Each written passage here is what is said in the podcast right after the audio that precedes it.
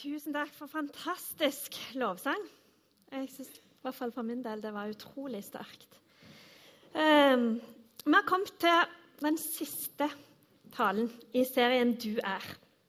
Vi har snakket om disse her merkelappene som vi gjerne setter på oss sjøl eller hverandre, kontra det Gud faktisk sier om hvem vi er i Han. For Gud ønsker å definere oss eh, sånn som Han ser på oss, sånn som Han sier at vi faktisk er. Og når vi kom til den eh, fantastiske sannheten Du er ny. Og jeg tenker, Hvis det går an å rangere disse sannhetene, så tenker jeg at dette må jo være den mest fantastiske av sannhetene som Gud setter på oss. Du er ny, faktisk. Eh, og I Bibelen så leser vi at det står om det gamle og det nye mennesket. Paulus skriver noe om dette i Efeserbrevet. Vi leser fra kapittel 4, 22-24. Lev da ikke som før, men legg av det gamle mennesket som blir ødelagt av de forførende lystne. Bli nye i sjel og sinn.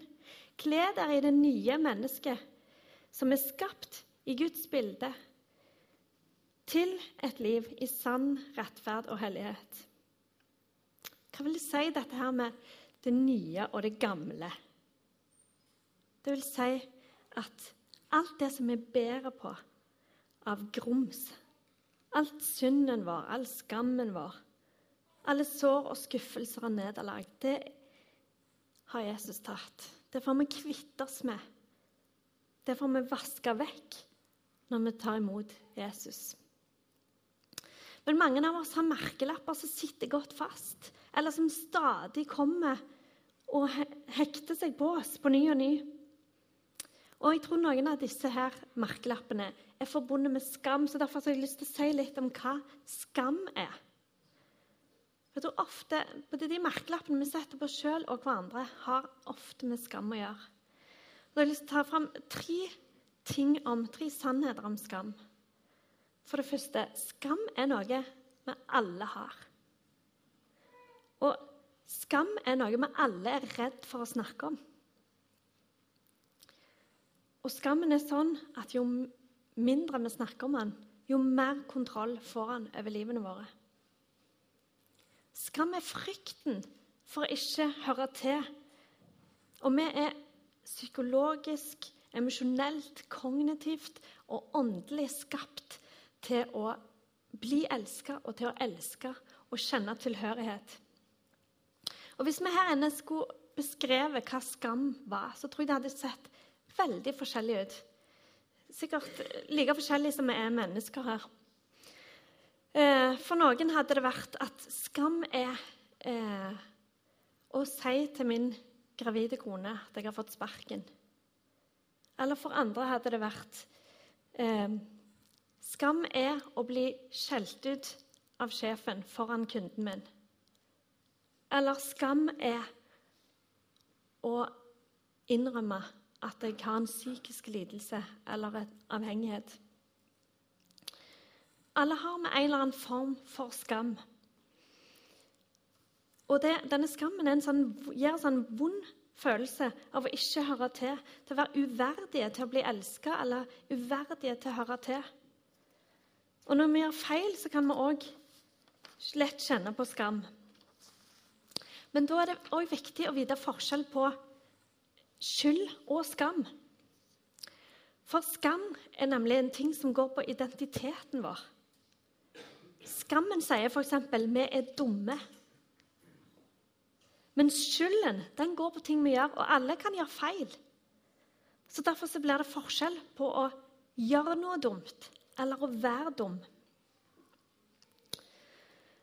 Altså Det som skjer når vi stempler hverandre eller setter merkelapper på hverandre, er nemlig at det går på Vi gjør det til en identitet. Istedenfor å si 'jeg løy', så sier jeg 'jeg er en løgner'. Eller istedenfor å si 'han gjorde noe dumt', så sier vi 'han er dum'. Derfor kan dette med stempler være så utrolig skadelig. For at vi begynner å, begynner å definere hvem vi faktisk er. Og Derfor har vi så lyst til å få løfte fram hva Gud faktisk sier om hvem vi er. De sannhetene som Gud har med oss. Og Derfor har vi også kommet til denne fantastiske sannheten i dag. Du er ny. Far min er en fantastisk god mann på mange måter. Men hvis det var opp til han, eller hvis alle var som han og hadde de samme materielle behovene som han har, så hadde handelsstanden veldig raskt gått konkurs. For far min trenger aldri noen ting nytt. Men for en stund tilbake så tok mor mi fram den litt strenge tonen og sa nå må du få nye joggesko. For de var rimelig utslitt. Og far min hørte på mor mi, men han fikk en genial idé. Så Istedenfor å gå til butikken og skaffe de nye, så gikk han inn i boden, for der hadde han husmaling. Så gikk han inn og malte joggeskoene med husmaling. Det var dessverre de samme gamle skoene, de ble ikke nye fordi vi malte dem. Og Jeg vet ikke om han tenkte at han skulle lure mor mi, eller noe, men jeg tror verken mor mi eller noen andre ble lurt av det trikset der. Det ble dessverre de samme gamle skoene i en litt annerledes drakt, kan du si. Men Paulus skriver altså i Feserbrevet om det gamle og det nye mennesket. Og da mener han før og etter vi tok imot Jesus. Og i kapittel 4 så leser, leser vi om hvordan han ber oss om å ikke leve sånn som vi gjorde før, da vi fulgte våre egne lyster og behov, men å legge av oss det gamle. Og bli fornya i sjel og sinn, og kle dere i det nye mennesket som er skapt etter Guds bilde, til et liv i sann rettferd og hellighet. Vi er skapt til å reflektere og peke på Jesus med livene våre. Og hvordan blir vi nye i sjel og sinn og kler oss i det nye mennesket? Jeg tror det handler om å bruke tid med Gud og med denne boka her. For det denne boka sier, det er at den forteller sannheten om hvem vi er. Den inneholder Guds tanker om deg, Guds sannheter om deg. Den inneholder din verdi. Og du er skapt etter Guds bilde til et liv i sann rettferd og hellighet. Til å reflektere og peke på Jesus ved å ta imot, leve i og gi videre Guds nåde. Og idet du tok imot Jesus, så ble du ny. I 2. Korinterne 5, 17 står det Nei, den som er i Kristus, er en ny skapning. Det gamle er borte. Se, det nye er blitt til. Det skjer fordi vi tar imot det som Jesus allerede har gjort klart for oss. Han som gikk i døden og tok all synden vår, all skylda vår, all grums og nederlag, tok han på seg. Og vi leser i evangeliene om når Jesus tok med seg disiplene inn i Getsemanehagen. Og så lå han der på kne, og så ba han til sin far i himmelen. La dette begeret gå meg forbi. Og hvorfor gjorde han det? Jo, for dette begeret det inneholdt all Guds vrede over synden. All Guds dom over synden. Og Jesus, han drakk hver eneste dråpe av dette begeret. Og for første gang i evigheten så skulle Jesus sjel få smake synd. Hva det vil si å ha synd. Og Jesus sjel skulle bære dette på seg. Hver eneste løgn, hver eneste eh, skam, synd og alt vondt. Alt ble Jesu kropp og sjel infiltrert med dette. Han jeg leser fra 2. Korintene 5,21.: Han som ikke visste av synd, har han gjort til synd for oss, for at vi i Han skulle få Guds rettferdighet. Og derfor så bønnfalt Jesus sin far om å få slippe. Og det var ikke bare min og din synd og skyld han skulle ta på seg, men det var rett og slett hele oss. Jeg vet ikke hvordan det er med deg, men jeg har ofte tenkt litt sånn pent og pyntelig på akkurat dette. Jeg har tenkt at eh, våre synder, eller mine synder, har på en måte blitt tatt på korset. Alt det vonde. Og så litt sånn pent og systematisk. Akkurat som Post-It-lapper som er festa til korset på siden av Jesus. Og Det er mulig det er jeg som er litt treg, men plutselig gikk det opp for meg at det er faktisk Jesus sjøl som tok dette på seg. Alt dette på seg. Han måtte bære det. Og selv om han hadde dødsangst og svetten rant som bloddråper til jorda,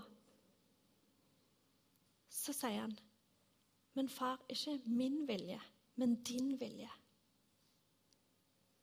Og Gud visste at dette måtte skje. At den eneste sønnen hans måtte dø. Måtte ta på seg dette. Det var Guds plan og hensikt.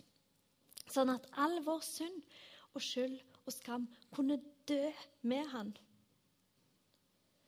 For det som skjedde, var at når Jesus døde, så tok han oss med seg i døden. Vårt gamle menneske.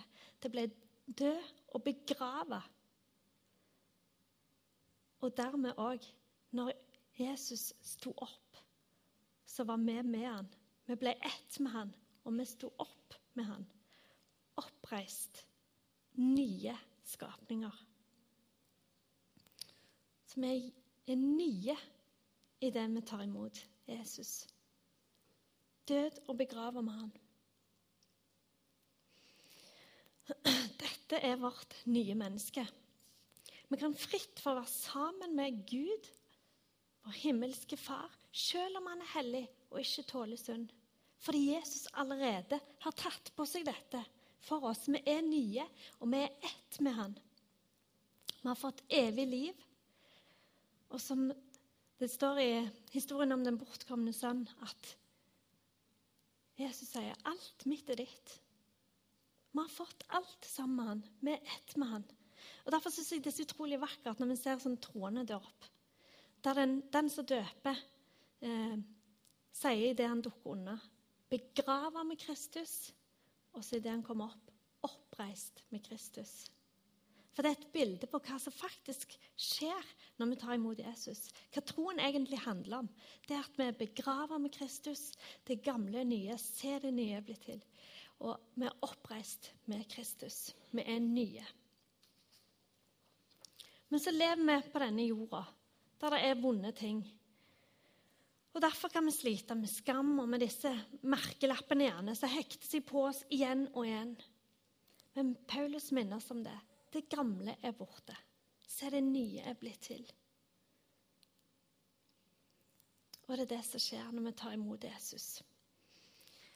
Og Paulus gir oss videre her i Efeserbrevet i kapittel 4 gir han oss veldig mye praktiske måter å legge av det gamle og kle oss i det nye. Det høres veldig vanskelig ut. og Jeg tror ikke det er lette oppskrifter, men de er i hvert fall veldig konkrete. Eh, fra vers 23.: Bli nye i sjel og sinn. Ta inn over oss det som faktisk står her i denne boka. La oss prege av det, bli påvirka av det. Jeg husker noen sånne gamle vitser fra da jeg var liten, sikkert. Eh, I sånn intervjusituasjon, da, eh, der, der en spurte har du blitt påvirka av å jobbe i barnehage. Nei, det har jeg ikke. Nei, det har jeg ikke. Sant? Og så var det en annen som var sånn eh, Har du blitt påvirka av å bo med motorveien? Nei. ikke sant? Og sånn blir vi påvirka av noe eller noen i alle mulige settinger. Og sånn kan vi òg, når vi bruker tid på ting, bli påvirka av det vi bruker mye tid på.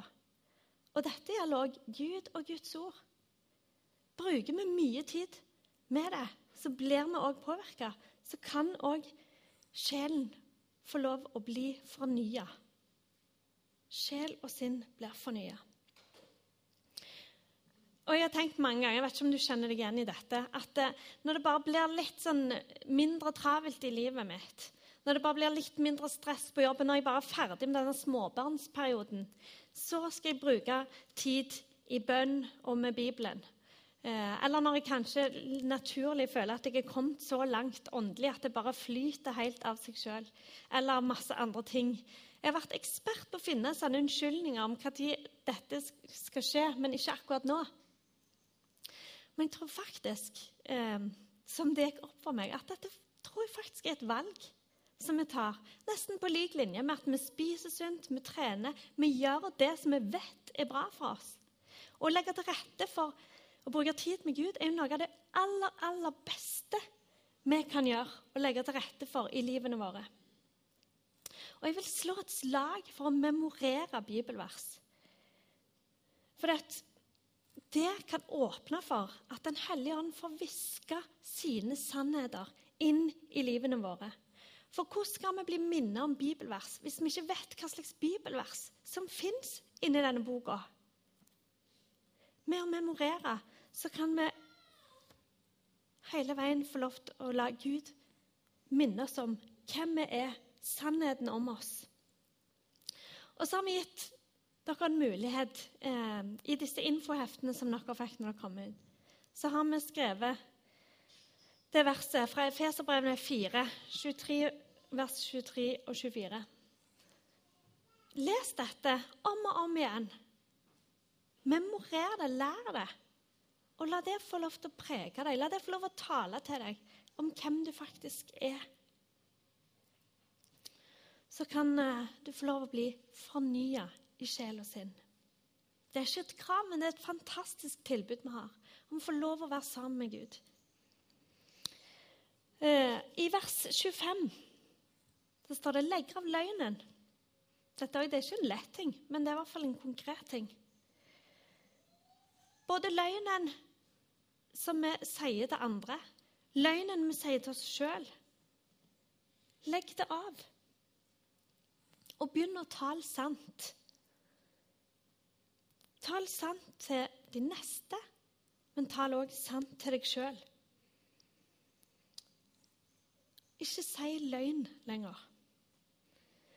Eh, William Backus, en professor i psykologi og, og, en forfatter, han har skrevet en bok om løgn. og Han sier det at et gjennomsnittlig menneske lyver ca. 100 ganger til dagen. Og dette høres helt ekstremt mye ut. Men hvis vi begynner å tenke på alt som kan inneholde løgn, som vi holder på med i løpet av en dag Sladder, f.eks. For Fornærmelser, anklager, baktalelse, skryt Løgn vi sier til oss sjøl, løfter som vi ikke holder. Tror det fort kan balle på seg det ganske mye. Og den gamle naturen vår så faller det oss naturlig med løgn. Men Paulus sier, 'Tal sant til de neste, men òg til deg sjøl'. Og da er det å meditere på Guds ord, eller bekjenne bibelvers Det er en måte å tale sant på. Lær deg bibelvers, og sett gjerne inn ditt eget navn der, det, der du kan det. F.eks. som vi leste med 2. Korinterbrev 5,17, der det står Nei, den som er i Kristus, er en ny skapning. Det gamle er borte, se det nye blir til. Så sett inn ditt eget navn. For meg ble det nei, Inger som er i Kristus, er en ny skapning. Det gamle er borte, se det nye blir til. Sett inn ditt eget navn. Og når løgntanker kommer snikende og sier at hvis folk hadde visst hva du har gjort, eller at du sliter med avhengighet, eller hva det måtte være, så ville de ikke hatt noe med deg å gjøre. Dette er skam. Og skammen sin beste venn er taushet. Og Derfor er det å si, dele dette med noen og å ta for seg sannheten som står i Guds ord Det gamle er borte, det nye er blitt til. Å gjøre at skammen mister sin kraft og sitt feste i livene våre. Videre i vers 26 så står det Blir dere sinte, så synd ikke. Det står ikke at vi ikke skal bli sinte, men det står at vi skal håndtere sinne på en god måte. F.eks. ikke la bitterhet få tak i oss. Og det er jo det som skjer hvis vi går og ruger på gamle episoder lenge. Da får bitterheten tak i oss. Men heller ikke sånn eksplosjoner av raseri som gjør at vi ikke har kontroll på hva vi sier og gjør. For med å la bitterheten få rom, eller sinnet ta helt av gårde med oss, så står det at vi gir djevelen rom. Så, så fort du har fått roa deg ned, så gjør opp. Ikke la sinnet få feste seg med oss, for det gjør djevelen rom. Men det nye mennesket i oss, det ønsker å gjøre opp. I vers 29 står det La ikke et eneste råttent ord komme over leppene dine. Si bare det som er godt, og som tjener til å bygge opp der det trengs, så det kan bli til velsignelse for den som hører på. Og Her trenger vi gjerne å trykke på en sånn pauseknapp når det koker litt, eller når vi er i ferd med å si noe. Og så stille oss kontrollspørsmålet vil dette bygge opp, eller vil det bryte ned? Tenk over hva vi sier. Og vær gode mot hverandre og vis medfølelse, så dere tilgir hverandre slik Gud har tilgitt dere i Kristus. Ha Gud som forbilde der som er hans elskede barn. Og hvordan er Gud? Gud er kjærlighet. Så ved å bruke munnen vår til å oppmuntre og heie på og støtte hverandre, så viser vi Guds kjærlighet. Vi trenger alle å bli heia på. Vi trenger alle oppmuntringer. Så Derfor bør vi være oppmuntrere for hverandre. Det betyr òg at hvis vi ikke har noe bra å si, så må vi gjerne lukke munnen. Og så må vi be om at Gud skal rense tankene våre og fornye tankene våre. Vi kan heller få lov å bruke munnen til å være med og minne hverandre på hvem vi er i Gud. Hva Gud sier om oss. Du er utvalgt. Du er sterk. Du er utrusta med evner og gaver. Og du er ny. Så Derfor så er det så enormt lurt og viktig å ta et valg om å bruke tid med Gud, vår himmelske Far. Sånn at han kan få definere oss, sånn at han kan få prege oss, påvirke oss.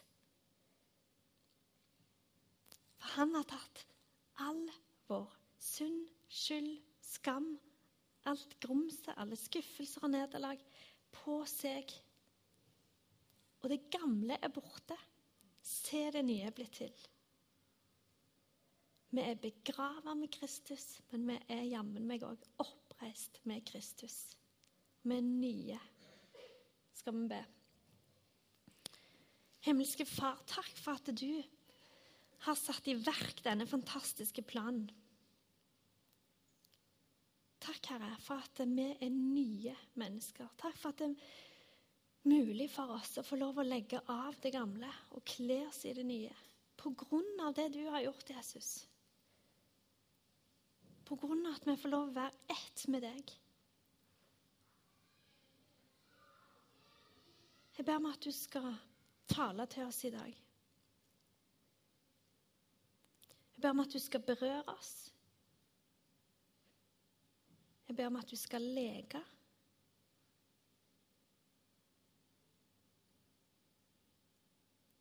Jeg ber om at du skal utfordre.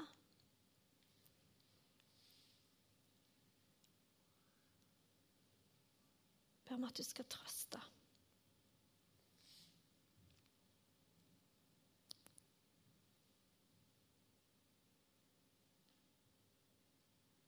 Jeg ber om at din sannhet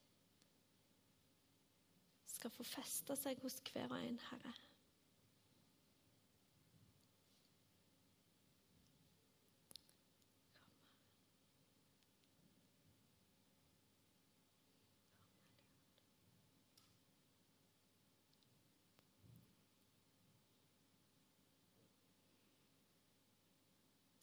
Ber Jesu navn.